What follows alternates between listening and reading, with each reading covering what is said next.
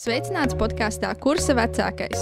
Sarunu mērķis ir aplūkot jauniešiem un studentiem aktuālas, sabiedrībā dažādu nostāju plosītas tēmas. Kursa vecākais ir kompetents un dzīves pieredzējis viesis, kurš palīdzēs iegūt plašāku un dziļāku izpratni, kā arī sarunāties un uzklausīt cilvēkus, kas domā citādāk. Katrā epizodē aplūkosim apgalvojumu un meklēsim, kur tas balstās. Sveiks, klausītāji! Mūsu šīs sezonas noslēdzošajā epizodē. Ja šī ir pirmā epizode, ko klausies, tad droši var paskatīties, kas mums ir bijis iepriekš, kādas interesantas tēmas. Bet, ja ir, ja tas bijis jau visu laiku, tad paldies! Un es domāju, ka šī arī būs ļoti vērtīga epizode, jo mm, ik viens noteikti ir sajūtis spēcīgu vēlmi uh, kaut ko nedarīt, atstāt uz vēlāku, censties ignorēt uh, kādu pienākumu izpildi. Uh, man pašai ir uh, pašlaik jāpabeidz bakalaura darbs, un es domāju, ka citi arī var asociēties ar šo problēmu. Un katram ir tas savs Everests, kurā jāuzkāpj. Tomēr vienmēr labāk šķiet ir paskatīties Netflixā kādu seriālu vai pat, piemēram, sākt īrīt māju, kārtot istabu. Uh, uh, ko šķiet pat nevarētu uzskatīt par kaut ko neproduktīvu, uh, bet uh, tādā veidā sanāk izvairīties no, no paveicamajiem darbiem, nonākot uh, pie tā, ka jāķerās klāt, enerģijas vairs nav un sāk sekot vainas apziņā, iespējams nosodījums, paaugstināts stress, kas vēl vairāk samazina produktivitāti. Uh, Un interesants fakts, ka šī pēdējā uh, epizode, uh, kurā mēs tieši runāsim par laika un enerģijas menedžmentu, ka mēs šo, šīs epizodes ierakstu dažādu apstākļu dēļ uh, pārcēlām, saskaņojām vēlreiz. Uh, lai gan iepriekš viss izdevies veiksmīgi, bet tas vēl jau vairāk apstiprina, ka šī ir īstā tēma, ko apskatīt. Un, uh, ka uh, kādā brīdī nemanot uh, ar šo problēmu nāks saskal, saskarties atkal un atkal. Tāpēc šīs epizodes uh, hipotēze ir prokrastinēšana piemīt ikvienam, uh, bet to vienmēr ir iespējams pārvarēt ar efektīvu laika un enerģijas menedžmentu. Jā, un čau, tā arī esmu es Dārvids, un uh, jeb Dāvido Krūzo. Un, un, uh, ar mums šodien uh, būs kāds ļoti īpašs viesis, uh, brālis no tāliem austrumiem, Nezinu, tu, tu varēsi pateikt, no kurienes tu esi. Bet uh, tas ir neviens cits kā personīgās produktivitātes un high performance treneris, lektors, personības izaugsmas kustības, high potential vadītājs, spēļu un atracīs uzņēmuma Play Potential LV veidotājs, certificēts, certificēts interešu izglītības pedagogs ar maģistra grādu teoloģijā. un drīzumā arī bakalaura grādu psiholoģijā neviens cits kā Kristaps Kravalis! Kristaps Kravalis! Čau, Kristap! Čau! Čau, Kristap! Kas man jāsaka šajā brīdī pēc tāda pieteikuma? Vienkārši nu, čau, ja? Es esmu no balviem. Bal. Tad jau tā, tā tu biji domājis, ja? Vai ne? Tad jau ir pareizi. nu, tā, tālu, tālu noteikti, jā. mm, tad jau, wow, super. Jā, jā. Mans pirmais jautājums būs, vai tiešām visiem cilvēkiem piemīt vēlme, jeb netikums prokrastinēt, un vai tu vari nedaudz paskaidrot un ieskicēt, ko tas vispār nozīmē? Uh, Atbildot uz pirmo jautājumu, vai, vai piemīt visiem, mēs zinām, ka ir noteikts cilvēku grupas, kam piemīt, un es tieši to salīdzinoši nesen pētīju. Un, e, mēs zinām diezgan skaidri, ka līdz pat 80% dažādās kultūrās studentu piemīt e, prokrastinēšana, e, un prokrastinēšana nozīmē e, tāda nevēlama e, darbu atlikšana uz vēlāku laiku, respektīvi, ka nav iemesla neizdarīt to šobrīd. E, un, e, Un tad mēs to atliekam, un te uzreiz ir jāizdala eh, to, ka nu, pētniecībā jau nav tā, ka ir viena prokrastinēšana, kas uzreiz ir negatīva. Patiesībā ir, ir dažādas prokrastinācijas, prokrastinēšanas, atlikšanas, eh, un, un tāda viena pieeja, ko ir izstrādājuši tādi Dienvidkorejas pētnieki, ir aktīvā un pasīvā prokrastinācija. Un aktīvā prokrastinācija uh, nozīmē to, ka tad, kad mēs atliekam uz priekšu, tā ir strateģiskā atlikšana. Tas nozīmē, ka es zinu, ka būs labāks posms ar iespējams augstāku enerģijas līmeni, ar iespējams brīvāku laiku. Tas, ka būs deadline, jeb gala termiņš tam uzdevumam, uh, tuvojies, tas mani mobilizēs, tas nekaitē manai veselībai. Tas principā palīdz man to darbu iesniegt laicīgi, ja, ja tas ir kaut kāds uzdevums, un, un es esmu gandrīz par rezultātu ja tu saklausīji kaut ko no šī sevī, tad tu esi aktīvais prokrastinātājs, un aktīvā prokrastinācija nenozīmē to, ka tas viennozīmīgi ir negatīvi. Pētniecībā, protams, baigi par to diskutē, un tā, vai vispār pastāv tāda, bet uh, nu, droši vien mēs, mēs katrs varam kaut kur ieraudzīt sevi tajā aktīvajā prokrastinātājā. Nu, un tad ir uh, otra kategorija, kas ir pasīvā prokrastinācija, kas nozīmē to, ka tas numur viens rada nevajadzīgu stresu, numur divi ir liela iespēja, ka tas darbs, kas ir jāizdara, netiks izdarīts vai netiks izdarīts pietiekami kvalitatīvi. Tas kaitē veselībai, fiziskai un mentālai.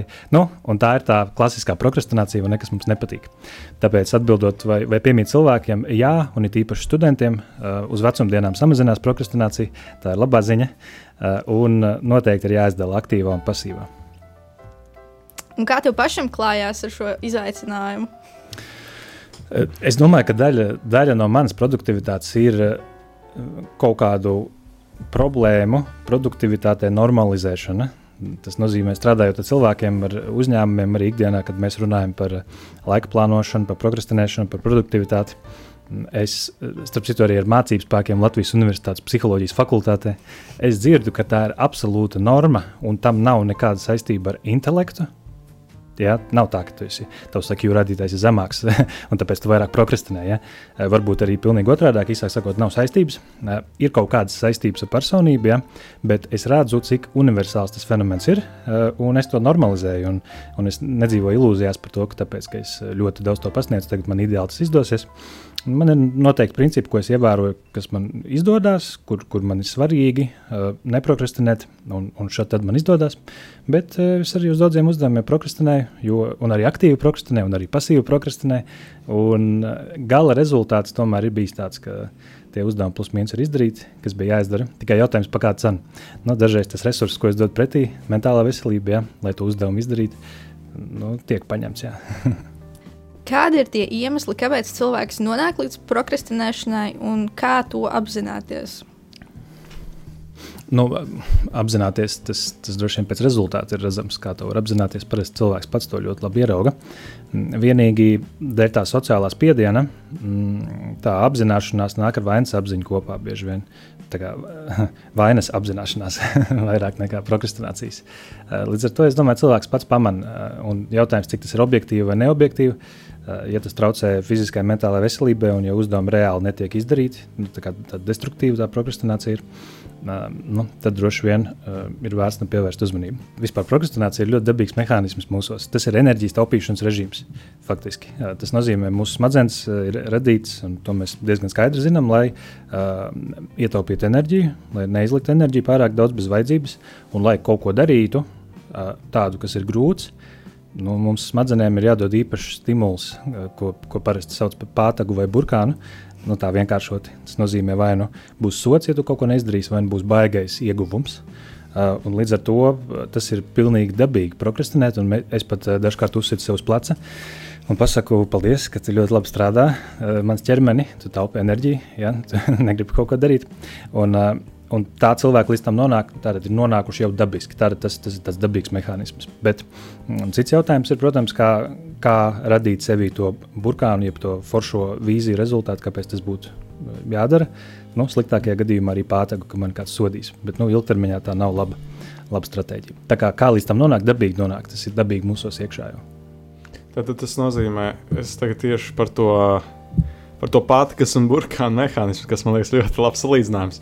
Bet, uh, uh, bet uh, sanāk, tas ir tā kā cilvēkam jāapzinās, kādas būs uh, tās, viņam jāieliek svīts mehānisms, ka viņš apzinās automātiski, kādas būs sekas, ja viņš kaut ko neizdarīs. Uh, ja tāda, piemēram, būs pasīva prokrastinācija, vai arī nu, viņš apzinās, kāds būs apbalvojums viņam jā, par to, ja viņš izdarīs.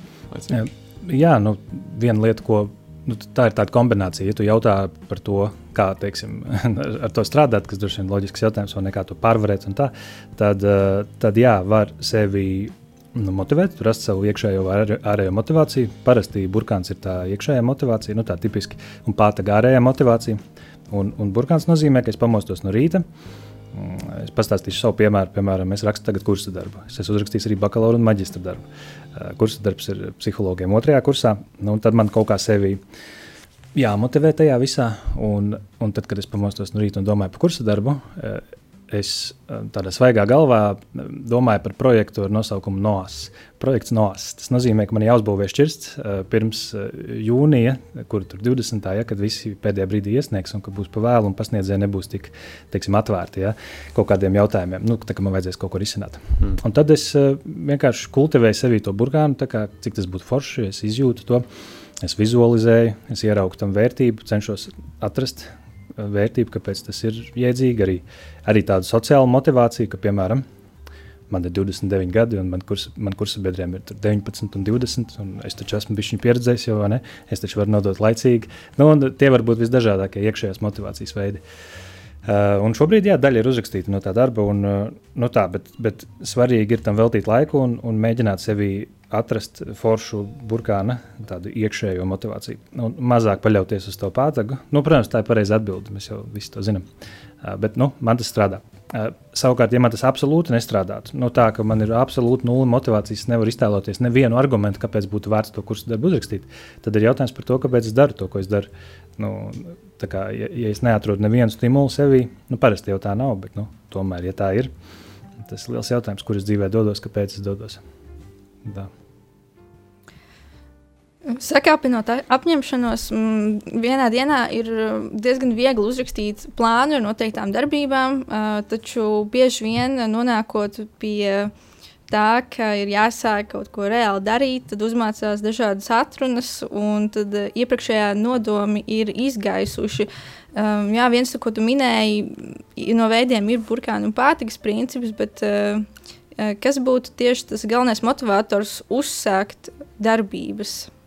vēl pirms viss ir sācies. Mm, mm. Nu, man gribās skatīties šeit uz, uz ideju par to, ka, tā, ka mēs domājam par mūsu enerģijas līmeni, tad bieži vien augstā enerģijas punktā esot, tie darbi vieglāk nāk no rokas un ir vēlme to darīt.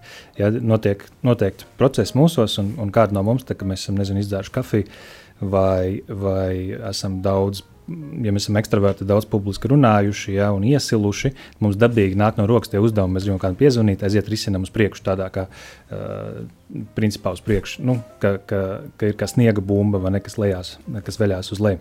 Un, un, un es apzinos, ka ir cilvēki, kuriem ir augstāks enerģijas līmenis, tas viņus motivē kaut ko darīt, un ir cilvēki, kuriem zemāks, un tad ir grūtāk darīt.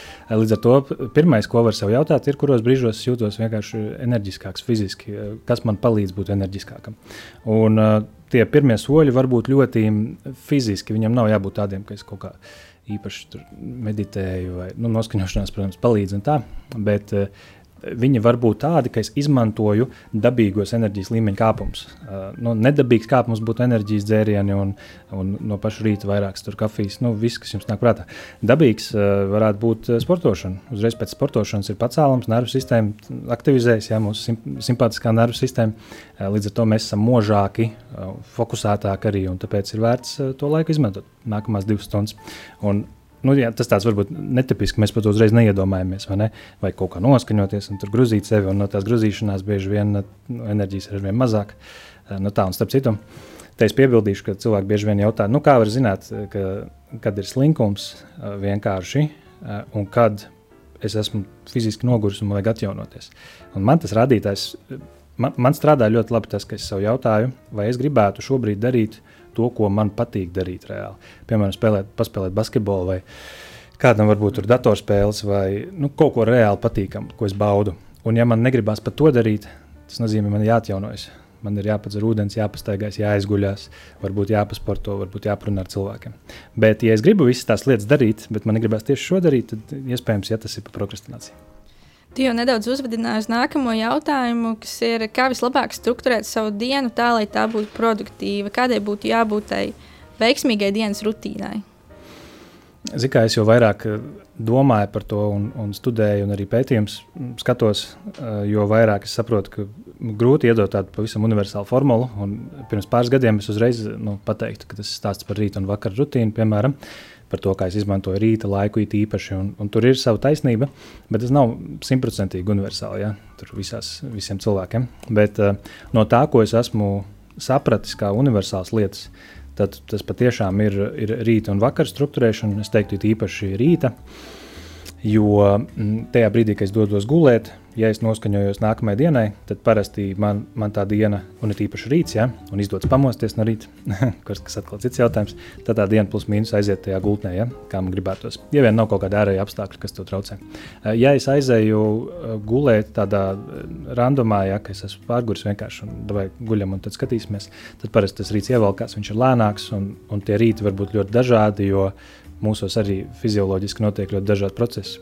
Varbūt mēs pat dabūjuši esam kādu vīrusu, mūsu imūnsistēma ir pacīnījusies naktī ar vīrusu, un mēs no rīta ceļamies uz savu produktīvāko dzīves dienu, nezinot to, kas notiek mūsu ķermenī. Tas atkal ir cits jautājums, nu, kā ieklausīties ķermenī. Bet tā atbildot uz tavu jautājumu, es teiktu, ir, ir svarīgi sagatavoties iepriekšējā vakarā. Nu, tā klasiskā formula. Rītam, pamosties no rīta un sākt rītu pēc noteiktas rīta rutīnas, rīta režīma, kurā es parūpējos par savu ķermeni. Tas ir numurs viens nozīmē, iet dušā, pakustos, izdzer ūdeni, pēd brokastis, ja tas ir pieņemami, ja tur jau visāds diētas mums ir. Um, tad, tad es pavadu laiku pie plāna, un tad es pavadu laiku iespējams pie kaut kādām lietām, ko man vienkārši patīk darīt no rīta.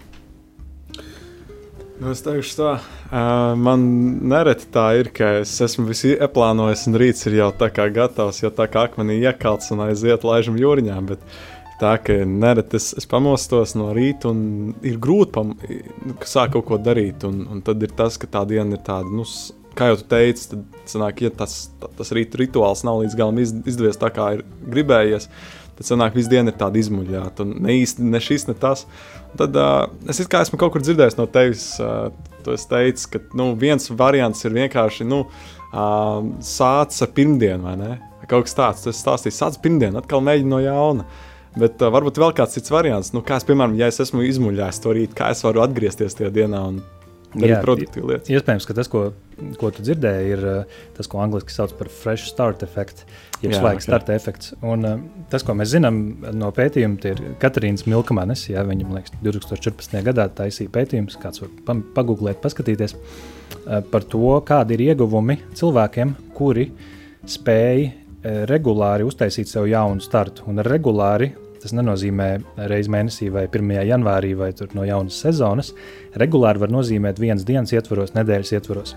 Eh, tātad es sev, sevi noskaņoju uz to, ka man ir, man ir noteikts rituāls, vai tā var būt lūkšana, varbūt, vai fizisks restarts ļoti palīdz. Tas nozīmē spēks, nauda pa dienu, 20, 30 minūtes, ja, kur notiek neliels restarts. Iespējams, tas ir sportiņš, iespējams, tā ir galvas izveidināšana. Es to izdaru, un pēc tam es noskaņojos, piemēram, nopietnā sarunā pašam sevi. Es sev pasaku, ok, līdz šim ir bijis tāda problēma un tāda, un man nav izdevies tas un tas un tas. Bet Un tagad atgriežamies pie pētījuma. Ja es šobrīd nospraudīšu svaigu startu un uzlikšu sev to kā tādu milestone, kā tādu stabiņu, no kuras sāku kaut ko darīt citādāk, tad mēs zinām, ka tie cilvēki, kas tā biežāk dara, eh, viņiem ir labāk rādītāji tajā, kā viņi apstrādā, nu, tā, tā, kā viņi tiek galā ar pagātni, ar pagātnes problēmām. Viņi labāk pārskata savas dzīves kopbildi, tāpēc ka viņi domā par savu dzīvi no tāda putnu lidojuma eh, perspektīvas. Un, eh, un viņi eh, veiksmīgāk sasniedz mērķus, jo biežāk viņi uztaisa svaigu startu. Un tas ir tik iedrošinoši, ja kāds no mums arī klausās šobrīd un, un domā, no nu, jā, nu es esmu nočakarējies, visi mani kursa biedri, piemēram, raksta to makāru darbu jau uz priekšu nodevuši, jā, vai jebkāds cits darbs, ja tur darba biedri, un es tā esmu iesprūdis, tad nu, labāk nepaliks, ja, ja tā lejupslīde turpināsies. Labāk paliks, ja ar to, kas šobrīd ir, es spēšu tikt galā, piedot sev iespējams, pateikt, tas ir absolūti normāli, ka es eju šim procesam cauri, šis ir mācību process, un atrast sevī spēku, uztaisīt svaigu startu un nodefinēt sev vienu līdz trīs punktus, ko es tagad darīšu citādāk. Un tad es to darīšu, un ja man neizdosies pat šodien, tad es sākšu svaigu startu pulkstenes astoņos vēlreiz. Un, ja man neizdosies, ja pulkstenis astoņos sākšu no rītdienas, un tie cilvēki, kas biežāk atgriežas uz sliedēm, viņi arī ātrāk sasniedz tos mērķus.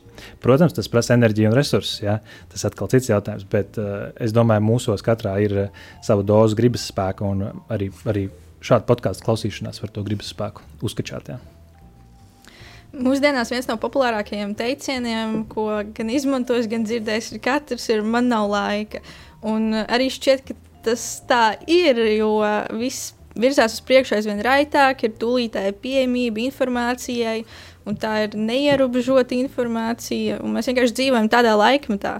Un, uh, man ir tāds diskutabls jautājums, nākamais, uh, kā visu ir iespējams paspēt un kā vislabāk izvērtēt prioritātes, kur ieguldīties. Nu, man liekas, tu jau atbildēji, uh, ja mēs runājam par laika plānošanu, tad bieži vien problēma ir nevis laika trūkumā, bet prioritāšu trūkumā. Prioritātes mums izvirzās no tā, ka mēs pavadām laiku paši ar sevi, ar citiem cilvēkiem, garīgās aktivitātēs, lūkšanā, bībeles lasīšanā un pieņemam simtprocentīgi savu lēmumu un simtprocentīgi pieņemtu lēmumu par to, kur mēs gribam virzīties. Mēs mēģinām to rakstīt, nodefinēt, izkristalizēt, jo no skaidrības nāk enerģija. Ja man ir, uh, lielāka, jo man ir lielāka skaidrība par to, ko es daru, nu, vismaz globāli un tam dzīves posmam, jo vairāk enerģijas man ir. Un tad, uh, jo skaidrāk es esmu šim dzīves posmam sev definējis. Uh, Nu, mērķus, vērtības, arī kaut kāds princips, pēc kuriem es dzīvoju. Jo vienkāršāk ir saprast, kam pateikt nē un kā filtrēt tos savus uzdevumus. Eh, man eh, pēdējo nezinu, desmit gadu laikā, kopš es darbojos šajā jomā, eh, personīgā produktivitāte, laika plānošana, nu, es nevaru atcerēties daudz brīžus, kad man fiziski nebūtu laika. Ka es pateiktu, ka man reāli fiziski nav laika šajās 24 stundās, ko veltīt vienu stundu kaut kam. Uh, vienmēr bijis laiks, viņu var izbīdīt turp šurpes. Skaidrs, ka mums ir tā pusstunda tā kā, uh, kaut kur pa vidu, un, un reti kuram ir tā, ka viņš nu, nu nekā, nu vispār nu, bez variantiem. Tas vienmēr ir prioritārs jautājums. Tad, kad mums uh, kāds tuvinieks nomirst, ja, tad mēs taču izbrīvējam laiku parasti ne, BRM. Nu, reti, kurš neizbrīvēja, viņš tur ārzemēs vēl kaut kā. Lielākoties mēs izbrīvējam. Tāpēc tas ir prioritārs jautājums. Uh, nu, lūk, un, uh, Līdz ar to man, man nu, reti kad nāk pie manis kāds cilvēks, kurš teiktu, ka viņam fiziski 24 stundās viņš nevar nekur iebāzt to laiku. Nu, lūk, tad nāk otrs jautājums. Eh, nu, tad, eh, ja tas laiks ir, tad uh, kur es to laiku investēšu, laiku un enerģiju? Jā, divi brīnišķīgi resursi, kurus investēšu laiku un kur investēšu enerģiju. Un kādu biznesā ir tāds termins return on investment, jeb um, ka es investēju savu laiku un enerģiju, un ko es sagaidu pretī, ja? kādu ROI es no tās aktivitātes sagaidu. Nu, lūk, un tad uh, runājot par tām prioritātēm un visu, un, un kā to laiku atbrīvot, uh, nu, jo lielāka skaidrība ir un viņa ir nodefinēta un tiek pārskatīta par to, kur es dzīvē virzos, tad es varu uh, skatīties uz uzdevumiem, un šo jūs varat piefiksēt, piemēram, savā plānotājā un jautāt sev vairākus jautājumus. Piemēram, pirmais jautājums ir tāds: no tā visa, kas ir manā plānotājā šobrīd, vai ir kāds uzdevums, ko es varētu izņemt laukā, un nekas briesmīgs nenotikties viņu izņemt laukā? Nu, lielākā daļa cilvēku saka, nē, man viss ir jādara. Okay. Bet varbūt kaut, ko, kaut kas jau tiks izņemts, kas visu laiku čakarēja smadzenes, ja, tā vienkārši runājot. Uh, un es viņu izsvītroju un saku, šobrīd nē, šo uzdevumu šobrīd es nedaru, lai viņš man nepatērē ja, tos mentālos resursus. Nākamais jautājums, otrs jautājums, skatoties uz tiem visiem uzdevumiem, ir, vai kaut ko no šī es varētu deliģēt uzticēt kādam citam un pateikt, šis nav gluži mans uh, ja, uzdevums. Tad uh, tas ir otrs jautājums, jā, ko es varu deleģēt. Bet trešais ir vislabākais jautājums, kurš man tiešām ļoti palīdz. Kad es skatos uz tiem saviem uzdevumiem, vai ir kāds efektīvāks veids, kā šos uzdevumus izdarīt. Piemēram, ja man manā plānotājā stāv rakstīts, um, veltīt trīs stundas bakalaura darbam, vai arī izslaucīt istabu, tad tātad sāksim ar istabas izslaucīšanu. Ja man pietiek resursu, es varu nopirkt aerobotu, Jā, aerobots izslaucīs. Ok, to var izdarīt efektīvāk. Tad, ja mēs runājam par bakalauru, mums katram ir savā galvā bilde, kā es to uzdevumu darīšu. Tas tik interesanti, to uzdevumu var tik dažādi izdarīt, vai ne? Es varu iet uz kafūzi, es varu palikt mājās, uh, es, varu, es varu satikties ar kursabiedriem bibliotekā, Un tad jautājums, kas tiešām nesīs to efektivitāti? Mēs to saprotam ar laiku, ar pieredzi. Bet, piemēram, bakalaura darba gadījumā es nevis sēdēšu mājās, bet es iešu ar kursabiedriem to darīt un pajautāšu jautājumus. Tas ir piemērs. Ja? Vai arī nu, es zinu, kas man strādā, kas man nestrādā. Līdz ar to trešais jautājums ir, lai atbrīvotu savu laiku, ir kā to uzdevumu izdarīt efektīvāk. Un veltot no rīta, es teiktu, 15, 20 minūtes, patiešām noskaņojoties savā galvā tam, ka man ir pieci uzdevumi, kas man jāizdara ja es tiešām gribu būt ļoti produktīvs, ja šeit nerunāju par tādu robotisku produktivitāti, es šādu praksi daru. Es, es daudz runāju, bet es vēl gribēju piebilst to, ka uh, dzīvē arī ir ļoti dažādi posmi, un ir posmi, kas ir ļoti, ļoti intensīvi. Un tad man ir svarīgi to, ko es jums stāstu, tiešām īstenot. Es tiešām mostos no rīta, tiešām skatos plānotājā, jautāju sev šos jautājumus, pārdomāju, struktūrētu savu dienu. Un ir posmi, kur man jāatslābst. Es taču nedzīvoju, neesmu robots, es nedzīvoju visu vasaru jā, šādā režīmā. Un, un tāpēc produktivitātes māksla ir saprast, kurā posmā kādus instrumentus man pielietot. Ir brīži, kad, es, kad man ir nekā nedarīšanas dienas vai pat nedēļas vasarā. Jā, nu tā, tā kā plaši sanāca atbildēt, bet tikt skaidrībā, izfiltrēt savus uzdevumus, jā, plānotājā, un tad arī tas laiks atbrīvojas, ja ir skaidrs prioritātes. Bībelē Sālamana mācītāja trešās nodaļas pirmajā pantā ir teikts, ka katrai lietai ir savs nolikts laiks, un katram īstenošanai paredzētam nodomam zem debesis ir sava stunda. Ir daudz dažādu palīdzības rīku, aplikācijas, kalendāri, plānotāji, bet uh, kas būtu tie instrumenti, kurus tu ieteiktu, un tie praktiskie padomi uh, tādai kvalitatīvai darbu struktūrēšanai? Ah, cik labs jautājums. Cik mums ir laika? 20 es, minūtes. es pateikšu, kā, kā es savā praksē redzu jautājumu par, par šo struktūrēšanu. Jo tipiski, tad, kad kāds runā no speakeriem vai psihologiem par laika plānošanu un uzdevumu struktūrēšanu, tad uh, nāk kāds piedāvājums par to, kādu struktūrēšanas metodi izmantot. Un tas, ko es redzu praksē, ir tas, ka, manuprāt, vislabāk strādā tas, kas ir nevis sarežģīts, bet uzticams. Un uzticams bieži vien uzdevuma plānošanā ir kaut kas, kas ir nenormāli vienkāršs. Skrejlapiņa, vecā labā balta lapa, telefonā nautos pierakstīt kaut ko. Um, vēl tur varbūt kāds lieto, protams, aplikāciju, varbūt kāds lieto Stevenu Koveju, jeb Eizenhower matricu, kur ir četri kvadranti un steidzami, netik steidzami, svarīgi, netik, steidzami, netik svarīgi. Varbūt kāds lieto Davida Alena Getting Things Done ja, metodi, kas ir tāda struktūrēta, spēcīga metode ar tādu spēcīgu struktūrēšanu. Uh, Manā pieredzē tas, kas cilvēkiem vislabāk ir strādājis, ir tas, kas viņiem ir bijis uzticams. Jo ir tāds teiciens, sarežģīts ir ienaidnieks izdarītam bieži vien. Ja, tātad, ja man ir sarežģīts plānotājs, es bieži vien viņā iesprūstu, zīmējot puķītes, izkrāsojot viņu, perfekts līmlapiņas liekot uh, un tā tālāk. Ja man viņš ir uzticams, viņš bieži vien ir arī ļoti vienkāršs, bet viņš palīdz man izdarīt. Viņš ir tilts mm. uz mhm. izdarīšanu. Un, ziniet, visproduktīvākie cilvēki, kas ir daudz izdarījuši, viņiem tie plānotāji bieži vien bijuši veci, nobružāti, ātri kaut kas sadrukāts virsū, saskricelēts, ja? vai arī kādi ir turējuši galvā, bet tas cits stāsts. Es, es nedomāju, ka mums ir galvā jātur uh, uzdevumi. Nu, visu, visu dzīvi ir posmi, kur ir to vērts darīt, bet ir uzdevumi, kur ne. Uh, Tā kā mana, mana atbilde ir, šai struktūrēšanas sistēmai jābūt uzticamai, vienkāršai, tā var būt skrejlapiņa, bet mans ieteikums ir rakstīt laukā. Ir rakstīt vai nu, dabūt kaut kādā uzticamā sistēmā to laukā. Nepārprotiet mani, es esmu lietojis arī sarežģītas metodas, visādas, kur ir ilgtermiņa mērķi un īstermiņa mērķi un visādi veidi struktūrēšanas, izdarīt vēlāk, izdarīt tagad, tur izdarīt vēl kaut kā. Bet kur tā problēma ir? Parasti ir tā, tikko sākas posms, kā tu minēji, arī Salmāna raksturvietā posms, kurš ir intensīvāks un kur ir čūpa ar uzdevumiem, es vairs nespēju nu, kā, pieķerties šim plānotājam, jo viņš nav tik uzticams, un krīzes laikā viņš paliek otrajā plānā. Un es ķeros pie tā, kas ir bijis uzticams, jo mans man vis, visa mana psihe, princip, principā, manas smadzenes, ja viņas saprot, šis man palīdzēs krīzes laikā.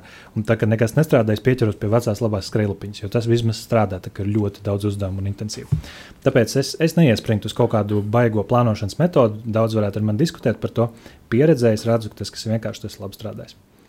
Varbūt kāds superfans tagad klausās, vai kāds, kuram ļoti interesē, nu kas, Kristap, nu, kas tagad ir tas veids, kā tu plāno savu ikdienu? Uh, Tev ir kaut kāds konkrēts, tagad, teiksim, kladīte vai, vai, vai piezīme blociņš vai, vai nu, vienalga, vai tu mobiļņikā rakst. Jā, man ir uh, fails, kuru es lietoju četrus gadus. Šī faila nosaukums ir Borta kompis. Uh, šī faila augšā ir uh, tabuliņa, Google Docs tabuliņa, kur ir septiņas nedēļas dienas. Tā kā tabulas formātā pirmdiena, otrdiena līdz, līdz uh, svētdiena. Uh, un uh, iepriekšējā dienā es pierakstu uzdevumus, ko es gribu izdarīt nākamajā dienā, parasti ne vairāk kā trīs. Un tikko man ienāk jauns uzdevums, es viņu uzreiz ierakstu šajā borta kompī, tajā dienā, kad es viņu gribētu izdarīt. Tie ir uzdevumi, ja ir mītīngi vai sapulces, tad es rakstu kalendārā, man ir kalendāra aplikācija. Tad šajā borta kompī failā augšā ir tās nedēļas dienas, un apakšā zem tā ir iedvesmojošas vērtības, citāti, principi, kurus man ir svarīgi izdzīvot ikdienā. Uh, viņi ir mainījušies cauri laikam, bet ir arī tādi, kas ir palikuši. Un es cenšos uzmest aci no rīta šim failam, uh, uzreiz zem savu plānotāju, zem tās tabuliņas, kāds es gribu būt šodien. Ja, ja man tur rakstīts drosme, piemēram, es gribu būt drosmīgs, ja rakstīts krietnums, es gribu būt krietns. Uh, vai man izdodas vienmēr? Nē, bet es vismaz varu atgādināt sev regulāri to. Un tad man ir svarīgi šajā borta kompī ielikt vēl trešo lietu, kas ir ideju pierakstīšana. Un tā ir atsevišķa tēma, kas man uh, nu, vai skaļi būtu teikt, mainīt dzīvi, nu, tā nu, ļoti daudz ietekmēja mans projekts un, un to, ko es esmu realizējis. Uh, es pierakstu regulāri nu, faktiski visas idejas, kas man ienāk prātā. Uh, saistībā ar biznesu, ar personīgo izaugsmi, citāti, jebkas iedvesmojošs, arī kaut kāds pārdoms, varbūt negatīvs. Ja? Uh, un tad es ik pa laikam tos idejas pārskatu, un, un tas ir cits jautājums, es viņam ķeros klāt, kā es ķeros klāt.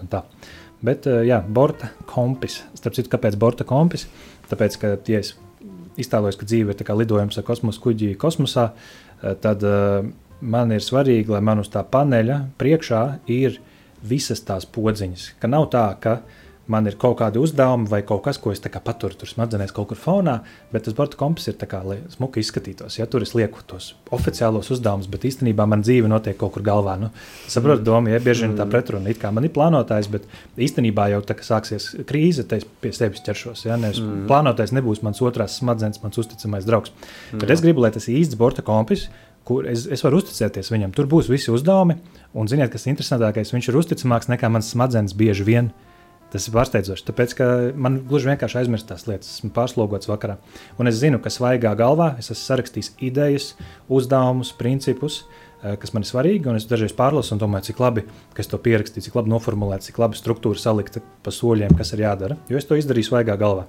Vakarā es varu uzticēties uz to, uz šo bortu kompi. Un tāpēc man ir svarīgi, lai tur viss ir, un tāpēc es veltu diezgan daudz laika un enerģijas viņu papildinot, izliekot visu tur laukā, savas idejas arī. Tur ir vēl daži, dažas tabulas, bet tas nav tik svarīgi šobrīd. Nav tiešām tik, cik daudz ir cilvēki, tik daudz dažādas ir tās metodas Jo, nu, tas ir nu, godam, godam es teiktu. Es, es īstenībā nācu pie jums, un es biju pie sevis izdomājis, ka es jums gribu padalīties visiem ar, es teiktu, šokējošu stāstu. Es domāju, teiks, padalīties ar konfliktiem. Tas būtu labi. to arī, jā, ar, ar tādu, es teiktu, šokējošu stāstu, kas ir zinātniski pierādīts, certificēts, dokumentēts stāsts. Un tu teici, ka nu, cik, mēs, cik cilvēki, cik mēs esam dažādi? Un, uh, man ir svarīgi piebilst visā produktivitātes kontekstā, jo dziļāk es tur roku, jo vairāk es ieraugu, uh, nu, pētniecībā to sauc par ģenētisko komponentu šajā jautājumā, ko mēs saucam par produktivitāti. Jo mēs zinām, ka mūsu personība, neteiksim personības tips, bet personība, un ir vesela nozara personības psiholoģija, uh, līdz pat 50% uh, ir iedzimta. Ja? Un kā to pēta? To pēta ar dviņu pētījumiem.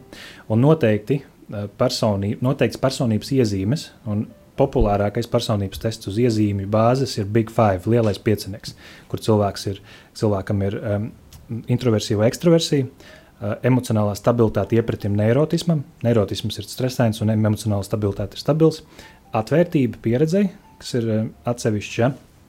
Uh, kas mums vēl bija pārējie. Nu, jūs varēsiet iegūt, bet īsāk sakot, tur ir uh, dažādi. Kā, kā googlēt? Uh, jā, ja big, big Five. Big Five, big five lielais okay. piecinieks. Ja? Un ir šīs te, uh, personības iezīmes pārējās. Un tad mēs zinām, ka līdz pat 50% tas var būt iedzimts, iedzimts un uh, ceturtā iezīme, starp citu, ir uh, apzinīgums. Un šī ceturtā iezīme, apzinīgums, korelē, korelē nozīmē saistās diezgan skaidri ar to, cik es veiksmīgi plānoju savu laiku, cik uh, patiesībā man ir daudz eh, tāds apzinīgums par to, ka man jāizdara tie uzdevumi, ka es nevaru kavēt. Jūs, jūs sadzirdat, ja? Un, ja tur mhm. ir ģenētiskā komponente, no tā, ka manu personību ietekmē mana ģenētika, tad vai mēs varam teikt, ka produktivitāte arī ietekmē ģenētiku? Un noteikti kaut kādā mērā varam.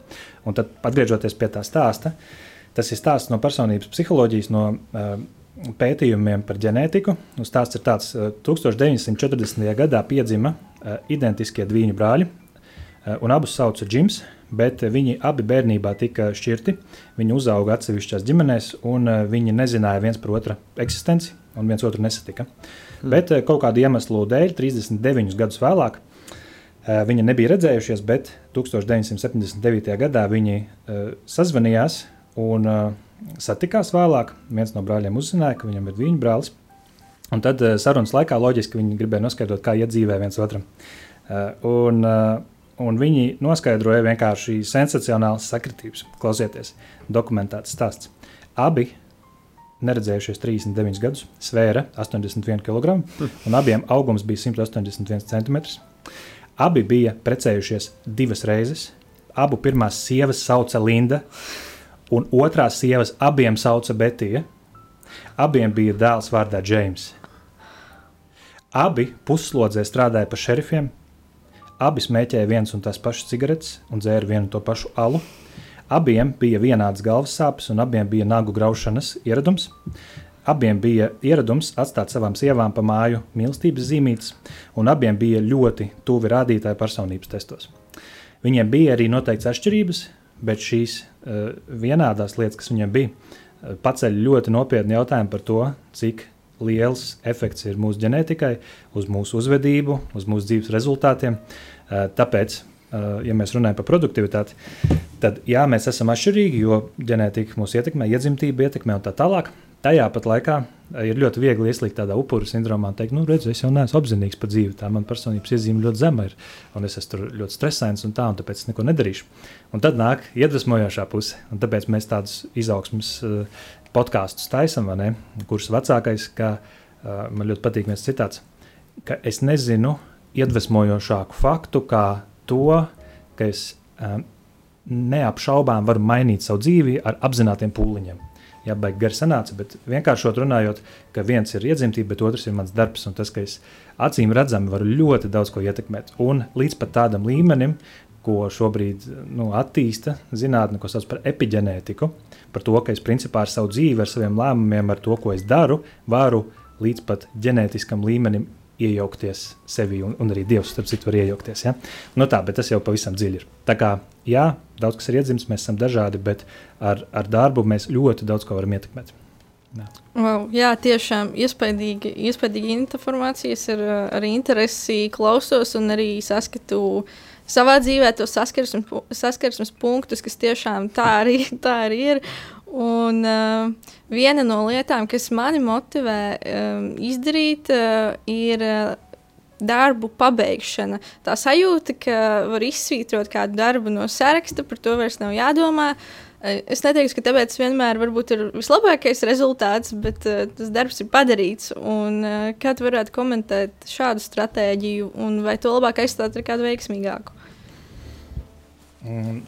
Es, es noteikti varu tikai piebilst un, un piekrist tam, ka izsvītrošana lielai daļai cilvēku dod gandarījumu sajūtu. Tāpēc, eh, ja jums ir digitāls plānotājs, tad es uh, iesaku lietot nevis uh, backspace, delete pogu, kad uzdevums ir izdarīts, bet, bet, bet strike through, kas ir uh, pārsvītrošana. Mēs redzam, ka tas ir izdarīts. Un, mēs arī zinām to, ka tajā brīdī, kad mēs pierakstam uzdevumus, mums ir dažādi uh, nu, atkarībā no mūsu personības iezīmēm un arī no tā, kā mēs uztveram pasauli, mums ir dažādi veidi, kā mums būtu efektīvāk pierakstīt. Dažiem ir jāpieraksta uh, vienkārši ar roku plānotājā. Kādiem ir ļoti veiksmīgi, viņi uzlīmē līmlapiņu, tad nolīmē līmlapiņu un, un redzamā vietā mm. uzliek. Uh, kādiem ļoti palīdz domu kartes, ja, ja viņu domāšana ir struktūrētāka. Uh, mind maps, ja, ka es plānoju, piemēram, caur aplikāciju vai caur programmu datorā, kur ir sākuma punkts pa vidu un no tā iziet trīs zari, un es visu struktūrēti pārskatu. Es jūtos tik uh, labi, piemēram, tik atviegloti, ka man viss ir, oh, es varu uzelpot, es redzu, man viss ir vienā bildē, viss ir skaidrs, nav kaut kas tur aizķēries vēl tur kaut kur fonā. Ja? Uh, līdz ar to nu, tas var būt ļoti dažādi, bet uh, es zinu gan no pieredzes, cilvēki saka, ka viņiem ir ļoti foršs, labs gandarījums, gan arī nu, tīri loģiski, ja tu redzi, ka tu esi dienas beigās kaut ko izdarījis, nu, ir labi, ka tu to redzi, nevis tas vienkārši pazūd. Tu tieši teici par, par tiem, tas varbūt jau bija krietni atpakaļ, bet tu teici par tiem mērķiem, ja, ka, ka tu pierakst arī savu borta kompis. Borta kompī, ja, borta kompī pierakst arī kaut kāds mērķis un tam līdzīgi. Un, uh, Man ļoti patika, man, ne, ne pat, ne, man patika tas, ko es ko teicu, bet es piefiksēju vienu jautājumu, un tas drīzāk ir tā. Tu teici par, par tiem ilgtermiņa mērķiem, un man liekas, ka noteikti ir daudzi klausītāji, daudz rūtīšu, kas nu, iespējams ir zem 25 gadiem. Un viņiem tāds jautājums, hmm, tu runā par ilgtermiņa mērķiem, bet uh, es knapi varu savu gultu vēl saklāt. Ja es nezinu, vai es paspēju šodien to izdarīt, un tā tālāk, un tas jau ir tāds augstākais mērķis, katru dienu saklāt gultu. Un tad tas jautājums tev, vai, nu, ka, vai ir kaut kāds optimālais vecums, kad jāsāk uzstādīt tādus apzinātus, lielus, tālredzīgus mērķus, vai, vai jau no pilngadības varbūt jāsāk nospraust pirmos lielos mērķus, nu, piemēram, kļūt par valsts prezidentu. Divas lietas, es gribu teikt šeit. Viens ir no, no pētniecības. Mēs zinām, ka ap pusauģu vecumu, ap 12 gadiem, notiek līdz ar pubertāti diezgan straujas pārmaiņas kognitīvi mūsu smadzenēs.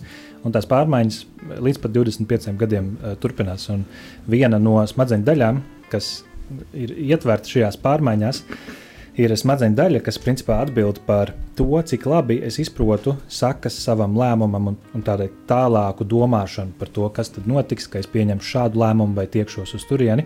Eh, jeb, nu, varētu teikt vienkāršot, ka mūsu smadzenes nav tik, viņas ir jaudīgas, bet ne līdz galam attīstītas līdz pat 25 gadiem. Eh, kad es saku jaudīgas, tad es to saku ļoti apzināti, jo pusauģu, vecum, pusauģu vecumā mums ir labākās kognitīvās spējas visas dzīves laikā. Ap 14, 15, 16, tur, nu, arī kā, kā kuram atšķirās, mums ir labākā uzmanība, labākie atmiņas rādītāji uh, uztveres, uh, uzmanības ātrums, ja visi kognitīvie uzdevumi tiek izdarīti visātrāk. Tajā pat laikā, ja mēs runājam par attīstību, tad viņas vēl nav līdz galam attīstījušās. Un tas uh, attiecas arī uz mērķiem. Tāpēc, ja tā kognitīvi prasītu, tad uh, tā kā, ja es gribu optimālus mērķus izvirzīt, kurus maksimāli lietoju savas smadzenes, ja, tad es ņemu to brīdi, kad man viņas attīstījušās, bet uh, tas otrs, otra daļa nāk tagad. Un tā otra daļa ir man, man, mans piemērs. Piemēram, man bija Tātad man bija, man bija 20, 19, 20 gadi, kad es pirmo reizi to sāku darīt. Es, uh, es sāku rakstīt uz lapas vienkārši, ko es gribu un ko es negribu dzīvē.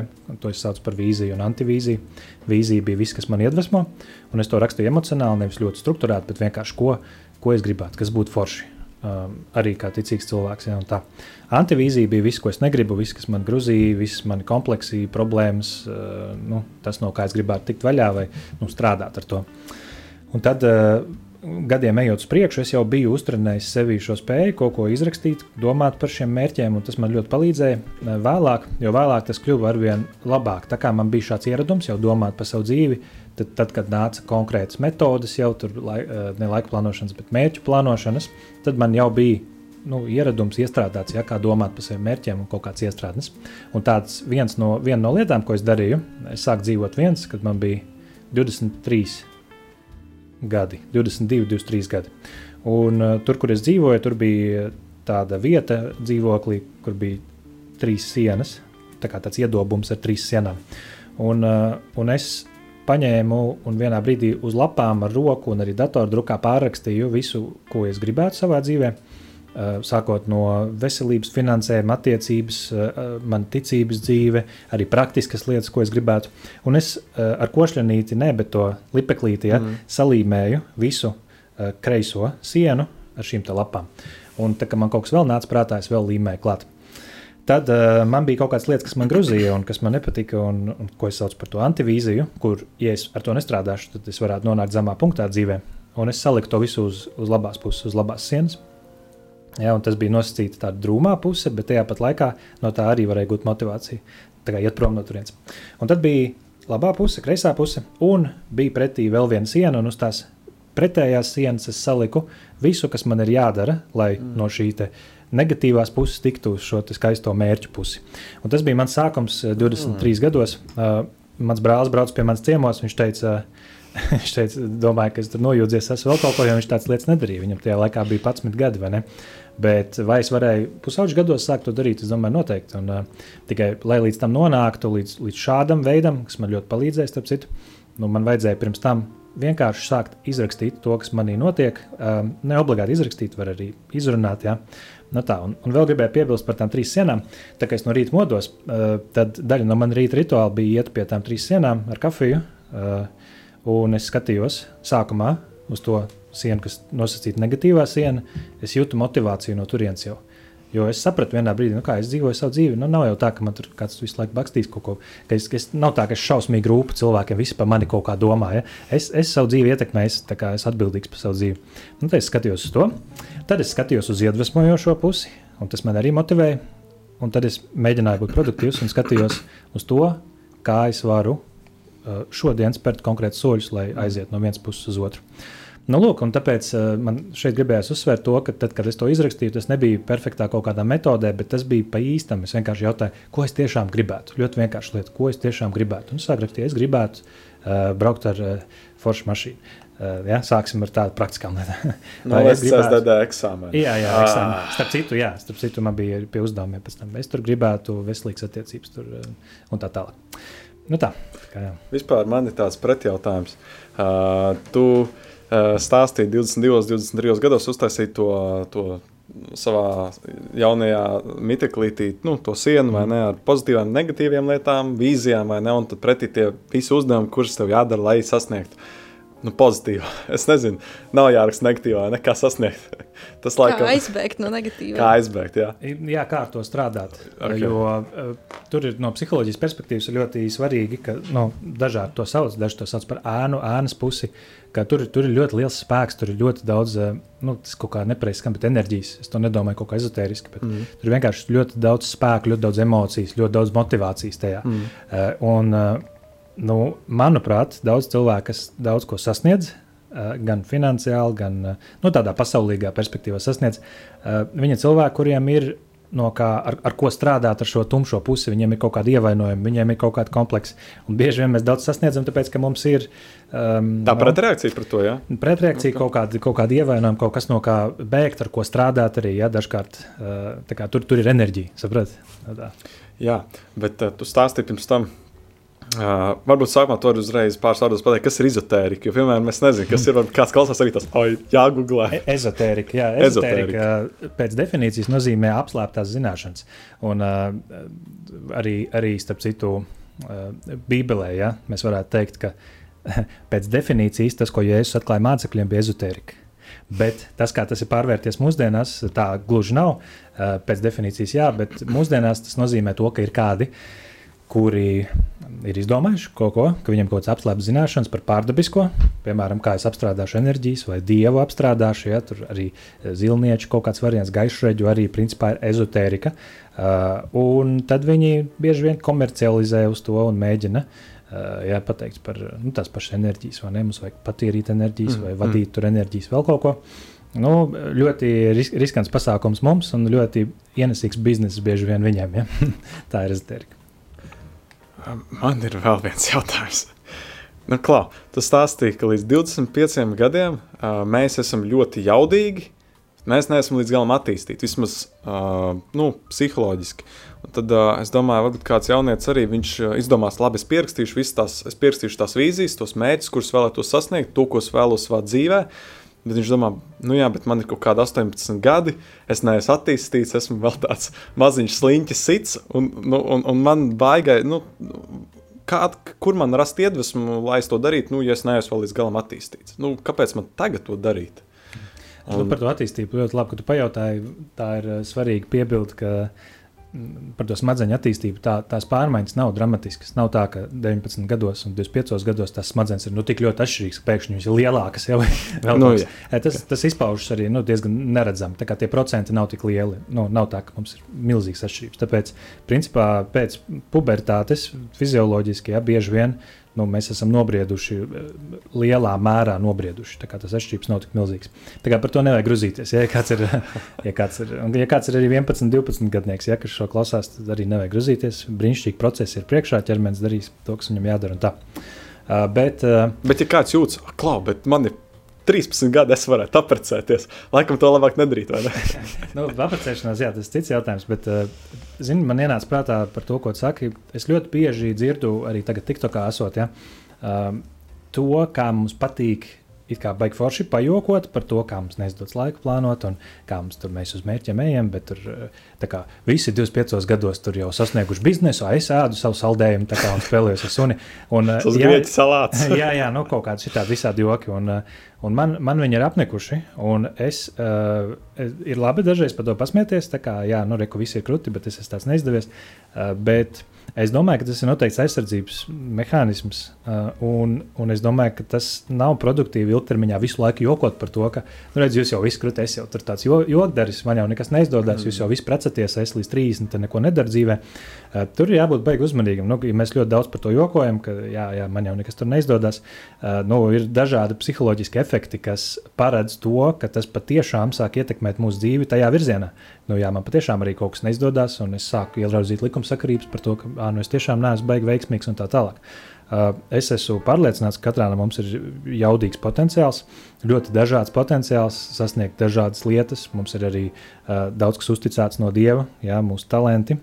Tā ir mūsu atbildība ar to strādāt un bīdīt to uz priekšu. Atrast to līdzsvaru starp atslābumu un pateikt, jā, pajokot un pačelot, bet tad savākt, mums ar čomiem teiciens, savākt sevi kopā, ja, tā, savākt sevi kopā un pateikt, ka es esmu arī atbildīgs par šo savākšanās pusi, par disciplīnas pusi, arī par mērķtiecības pusi. Un neviens man neiestāstīs to, ka mums ir vienkārši jāplūst pilnīgā atslābumā pa dzīvi.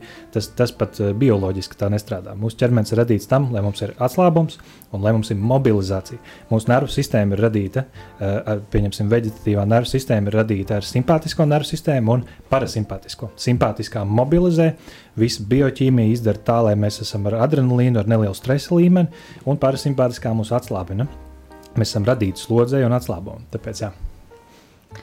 Jā, mēs arī par, par mentālo veselību arī ir tādi paši joki par to, ka es jau te paraudāšu, un, un, un, un viss ir kārtībā. Un, kā, par to iesmēju vairāk, par to mēs arī pieskārāmies mentālās epizodes, mentālās veselības epizodē.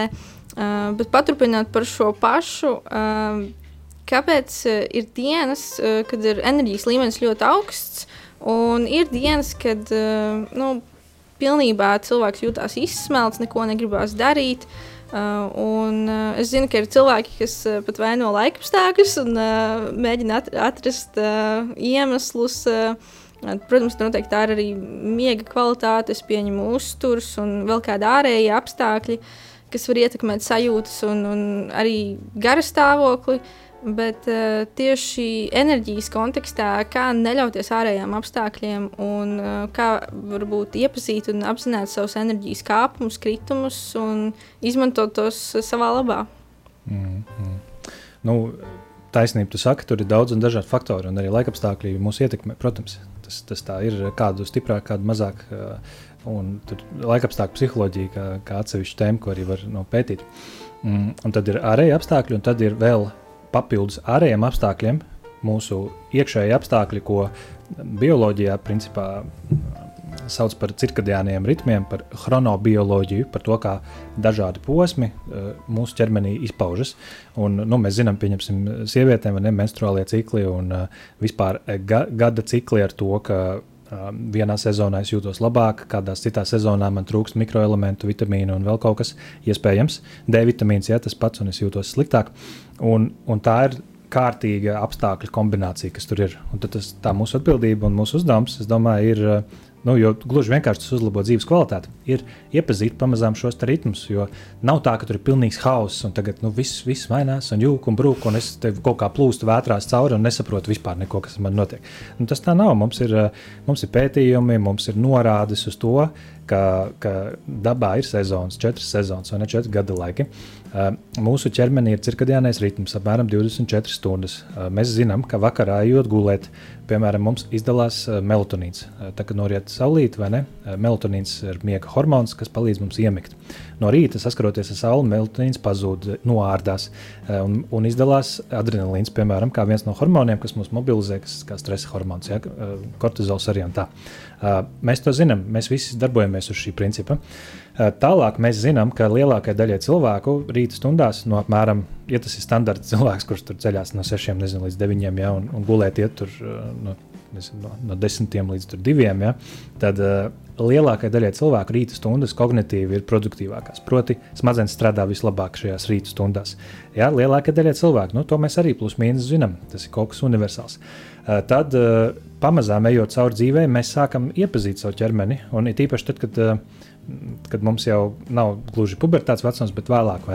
Mēs zinām, ka sportojot, es jūtos labāk, dzerot kafiju, es jūtos šādi, eksperimentējot ar, protams, miegu, veselīgu uzturu, ar, ar veselīgu kustību, sportu, ar, ar vitamīniem, visādiem. Es sāku jau nojaust, ja, kas ar mani ķermeni notiek. Nu, lūk, tāpēc tas ir tas mūsu uzdevums - atšķirt, lasīt literatūru, atšķirt, iepazīt sevi ar to, kā mums tie cikli strādā. Bet tas universālais ir īstenībā viena lieta, nu, kas arī maniem klientiem strādājot, un arī personīgi izkristalizējās, ir tas, ka rīta stundas lielākā daļa no mums ir svar, svarīgas stundas. tās stundas, kuras būtu labi neizšķērdēt, bet pamostoties, uzņemt gaisu, uzņemt gaismu, paēst, jā, izdzert ūdens glāzi. Un iespējams darīt tur, kas vēl viena tēma īstenībā, darīt tur vārdes. Un vārdes ir pretīgākie uzdevumi, ko mums negribas darīt. Ja? Mm. Iespējams, mēs to darām uzreiz no rīta. Bet ir, ir individuāls atšķirības, bet lielākā daļa cilvēku tas tā ir. Jā. Tas ir, ja ir cementēta grīda, man ir koka grīda. Es savādāk nemēģināšu.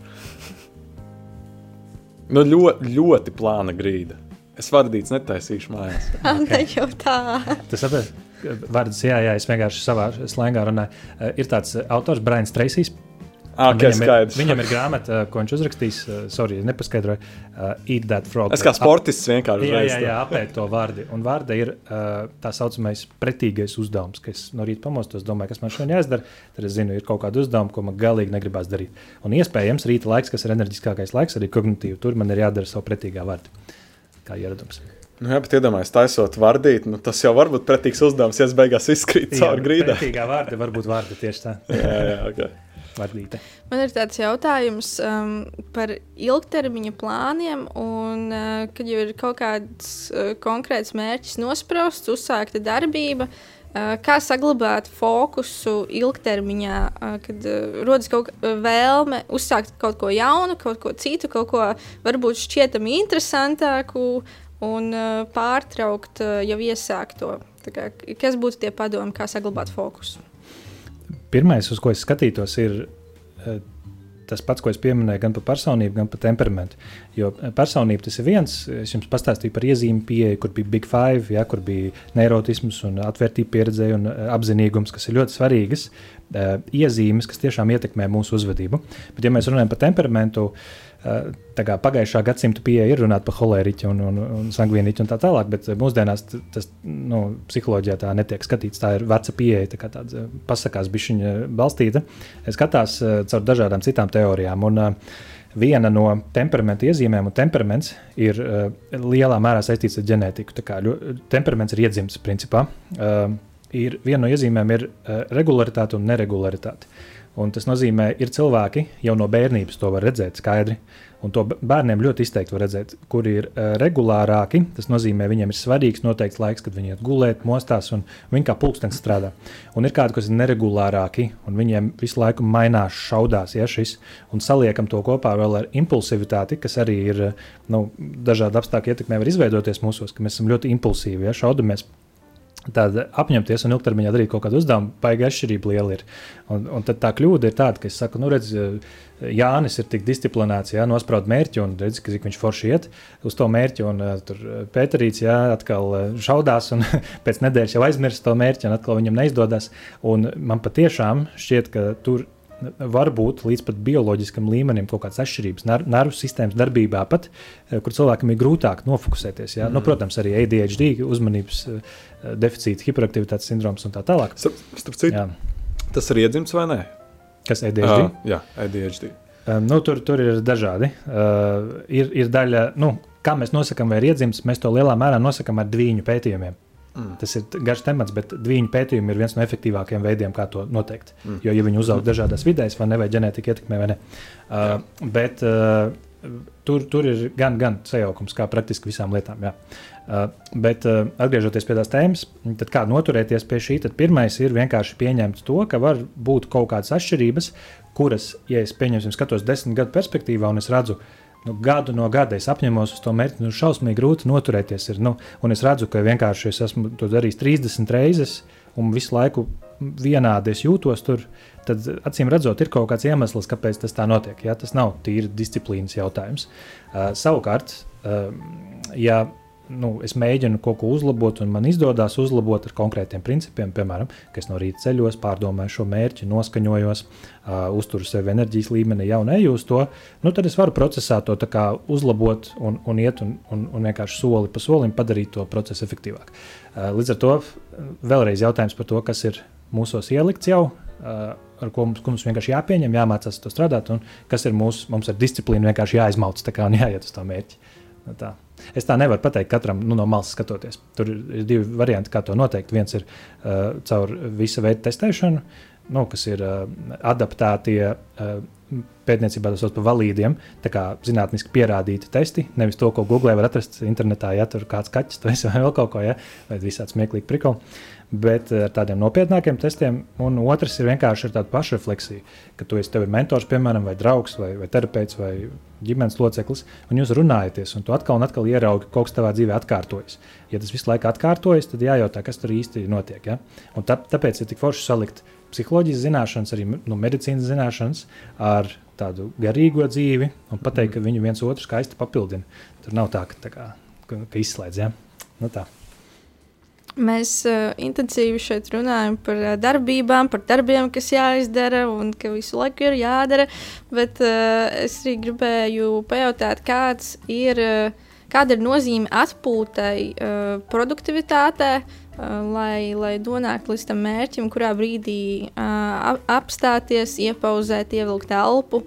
Un, uh, kā lai tā nepārvēršas par tādu slinkošanu, kur ir tā robeža. Mm. Nu, viena lieta, ko es varu pateikt, ir uh, to, ko es jau pieminēju, ka tajā brīdī, kad es jūtos, ka es negribu kaut ko darīt, es varu pajautāt, uh, nu, man tas strādā. Es nezinu, vai visiem tā ir universāla formula, bet vai es gribu darīt kaut ko, kas man patīk. Ja man viss, ja man rīktīgi slikti ir un es neko negribu darīt, tad tas parasti ir atjaunošanās jautājums. Un, uh, un lai es saprastu, kas ir līdzsvars starp enerģijas izlikšanu un atjaunošanu, ja, jeb kaut kā darīšanu un atjaunošanos, fiziski un psihiski, starp citu, ne tikai fiziski atjaunoties, bet arī prātā nu, tas ir diskusija jautājums, vai man jānonāk abās galējībās, lai saprastu, ko nozīmē līdzsvars. Vai man ir jāizdeg no vienas puses dzīvē, un pēc tam man jābūt tādā posmā, kur man ir šausmīgi daudz enerģijas, nav ko darīt, man ir garlaicīgi, es nevaru nosēdēt četrās sienās. Nu, man, man dzīves pieredze rāda, ka, ka jā, lai es būtu ļoti e, efektīvs tajā, kā es atjaunojos, man ir jābūt abās galībās. Tā kā jānonāk, jāsaprot, šādi ir, ka tu izdedz, šādi ir, ka tu, ka tu, ka tu nav ko darīt. Ja? Un grāmatās tu to vari izlasīt, bet nu, kā no mums izdodas no grāmatām pārnest savu dzīvi, es nezinu. Nu, lūk, un tad mēs to skaidri zinām. Nu, tas ir pilnīga pašsaprotamība, ka, lai es būtu produktīvs, man ir pat tāds teiciens, nevis um, jāatpūšas no darba, bet jāstrādā no atpūtas. Tātad mans pamatstāvoklis, kā mēs esam radīts, ir uh, nevis atpūta gulēt dīvānā, bet uh, tāda, nu, teiksim, tā, tāds atjaunošanās process, kas var ietvert sevi sarunas ar cilvēkiem, atjaunošanos, uh, pastaigas vai ne, pārdomāšanu, lūgšanu, garīgo dzīvi. Ja, tas ir kā pamatstāvoklis, un tad no turienes es dodos kaut kur darīt kaut ko. Nevis otrādi, ka es esmu mūžīgā skrējienā, jā, tur pa pusē pārdedzis, un tad es, man rokas jau trīc, un uh, acis plakstiņš raustās šitā, un es saprotu, ok, tad uh, vajadzētu pēc trīs nedēļām sestdienu brīvu paņemt. Ja? nu, apmēram tā. Uh, un tāpēc, uh, jā, un tas nākamais jautājums ir katram ļoti individuāls. Tad, ko tad nozīmē tev līdzsvars starp enerģijas atjaunošanu un izlikšanu? Un, uh, es nevaru iedot tādu vienu formulu, tas ir ļoti labs jautājums, ko pārunāt ar kādu kopā. Nevis tā kā, nu, dari šitā, tev ir jāizguļ tik stundas, tas un tas, bet ir ļoti labi uzdot jautājumus personīgus. Jā, ja kāds, eh, zinu, LKSB arī, jā, mentorēšana, māceklība ir ļoti svarīga. Superīgs jautājums, kur, kur ļoti palīdz jautājumu uzdošana, parunāšanās ar kādu, lai saprastu, ka šis ir pa daudz, šis lodzi ir pa lielu. Nu, tā.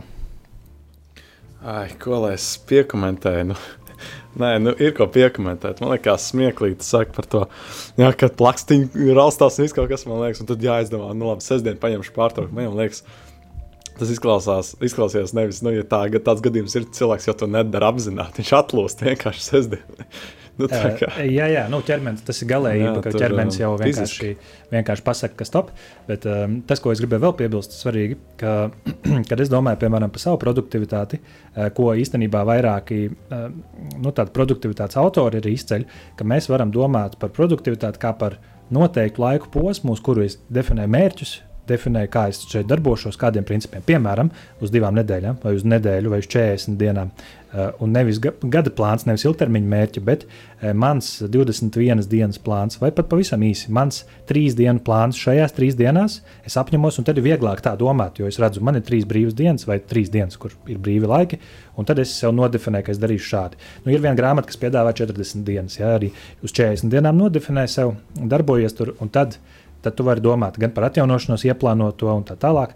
Un, nu, būsim godīgi, arī dzīvē ir kaut kāda posma, kur nav laika te baigi filozofēt par līdzsvaru, tur enerģijas izlikšanas un tā.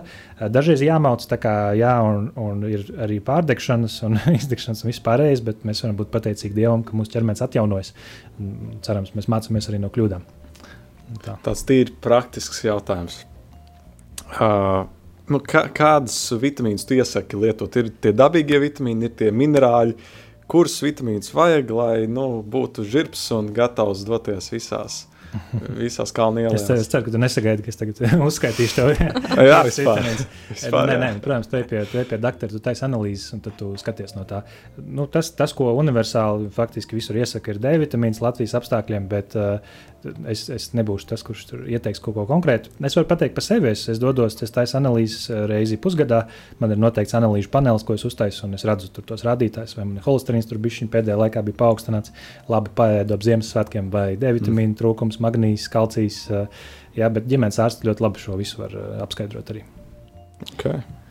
Jā, man šķiet vērtīgi, ko tu teici par uh, darbu no atpūtas, ka vispirms ir jāatpūšas, lai ķertos klāt, uh, nevis jādomā pretēji.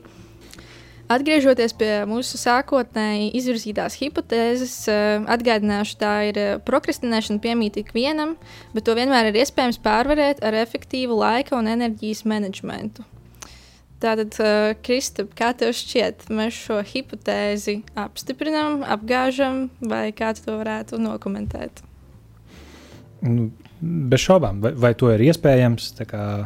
Tiklīdz mums ir viens gadījums, kurš pierāda, ka ir iespējams, tad mēs to esam apstiprinājuši. Kā, to, to mēs skaidri zinām arī no pētniecības, ka ir uh, noteikts uh, metodes, noteikti principi, uh, pieredze, ko mēs gūstot, varam, jā, varam uzlabot un, un nenonākt tādā nevislīgā prokrastinācijā.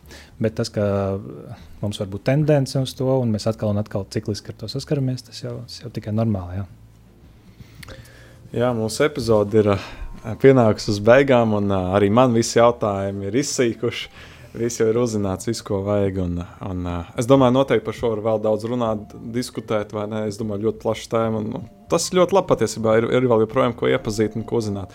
Bet, uh, jā, ja tu tagad esi uzslēdzis šo epizodes beigām, un esi bijis tāds mazliet slinkāks, un tādi mēs paši, visi esam reizēm, tad uh, tagad var noklausīties par to, kas bija īsumā šodienas epizodē. Sākumā Kristaps mazliet paskaidroja par to, kāds, kā izpaužās aktīva un pasīva prokrastinācija. Tad nav tikai negatīva prokrastinācija. Mēs varam atlikt un pārlikt kaut kādas tātad, darbības, kādas uzdevumus, lai mēs uz, uzkrātu enerģiju, iegūtu enerģiju pa jaunu un varētu vēlāk izdarīt. Pasīva, pasīva prokrastinācija būs tieši pretēji, nu, ka mēs vienkārši tādā veidā atliekot kaut ko, palielinām sev stresa līmeni tam līdzīgi. Uh, jā, ļoti svarīgs punkts bija par to, ka patiesībā jā, ir svarīgi neko neatlikt uz pēdējo brīdi, bet uh, iemācīties saprast uh, kaut kādus savus tos plānošanas veidus, kā mēs varam praktiski plānot, kādam tās līmeliņas, kādam tas ir tie, tā pierakstīšana, kādam tas var būt telefona plānotājs, atrast savu to efektīvāko plānošanas veidu, un uh, lai varētu tā tad. Uh, jā, mērķiecīgi virzīties uz priekšu. Interesanti bija arī ļoti interesanti bija šis uh, Uh, salīdz šis, šis, uh, šī ideja par uh, to, ka jāizvirz arī savs pozitīvais dzīves, kaut kāds vizionārs skatījums, un arī tas, ko mēs negribētu nekad, lai ar mums dzīvē notiek, un, un uzskaitīt kaut kādus konkrētus, praktiskus mērķus, soļus, kā mēs līdz tam pozitīviem varam nonākt. Un, un tas bija tāds ļoti labs punkts arī klāt. Tikpat labi interesants fakts, ka 50% no cilvēka personības ir iedzimta. Tas nozīmē, mēs pie sevis varam strādāt, mēs neesam piedzimuši un nepaliksim par sliņķiem.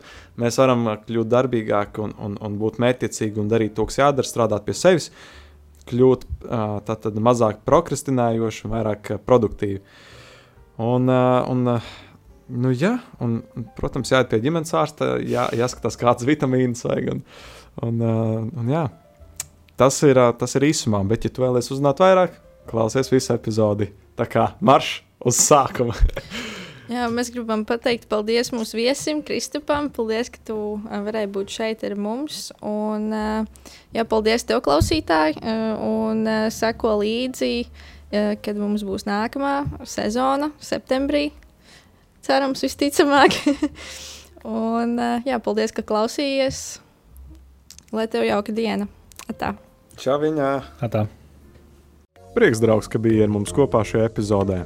Var mums arī sekot līdzi turpmāk, sociālajos tīklos, uzdot sev aktuālos jautājumus un izteikt savus domas un viedokli, rakstot mums Instagram, lksb.lv, kā arī Facebook, Latvijas Kristīgā studentu brālība. Tāpat arī var sekot līdzi mūsu aktualitātēm YouTube, Latvijas Kristīgā studentu brālība. Līdz nākamajai reizei! Atā!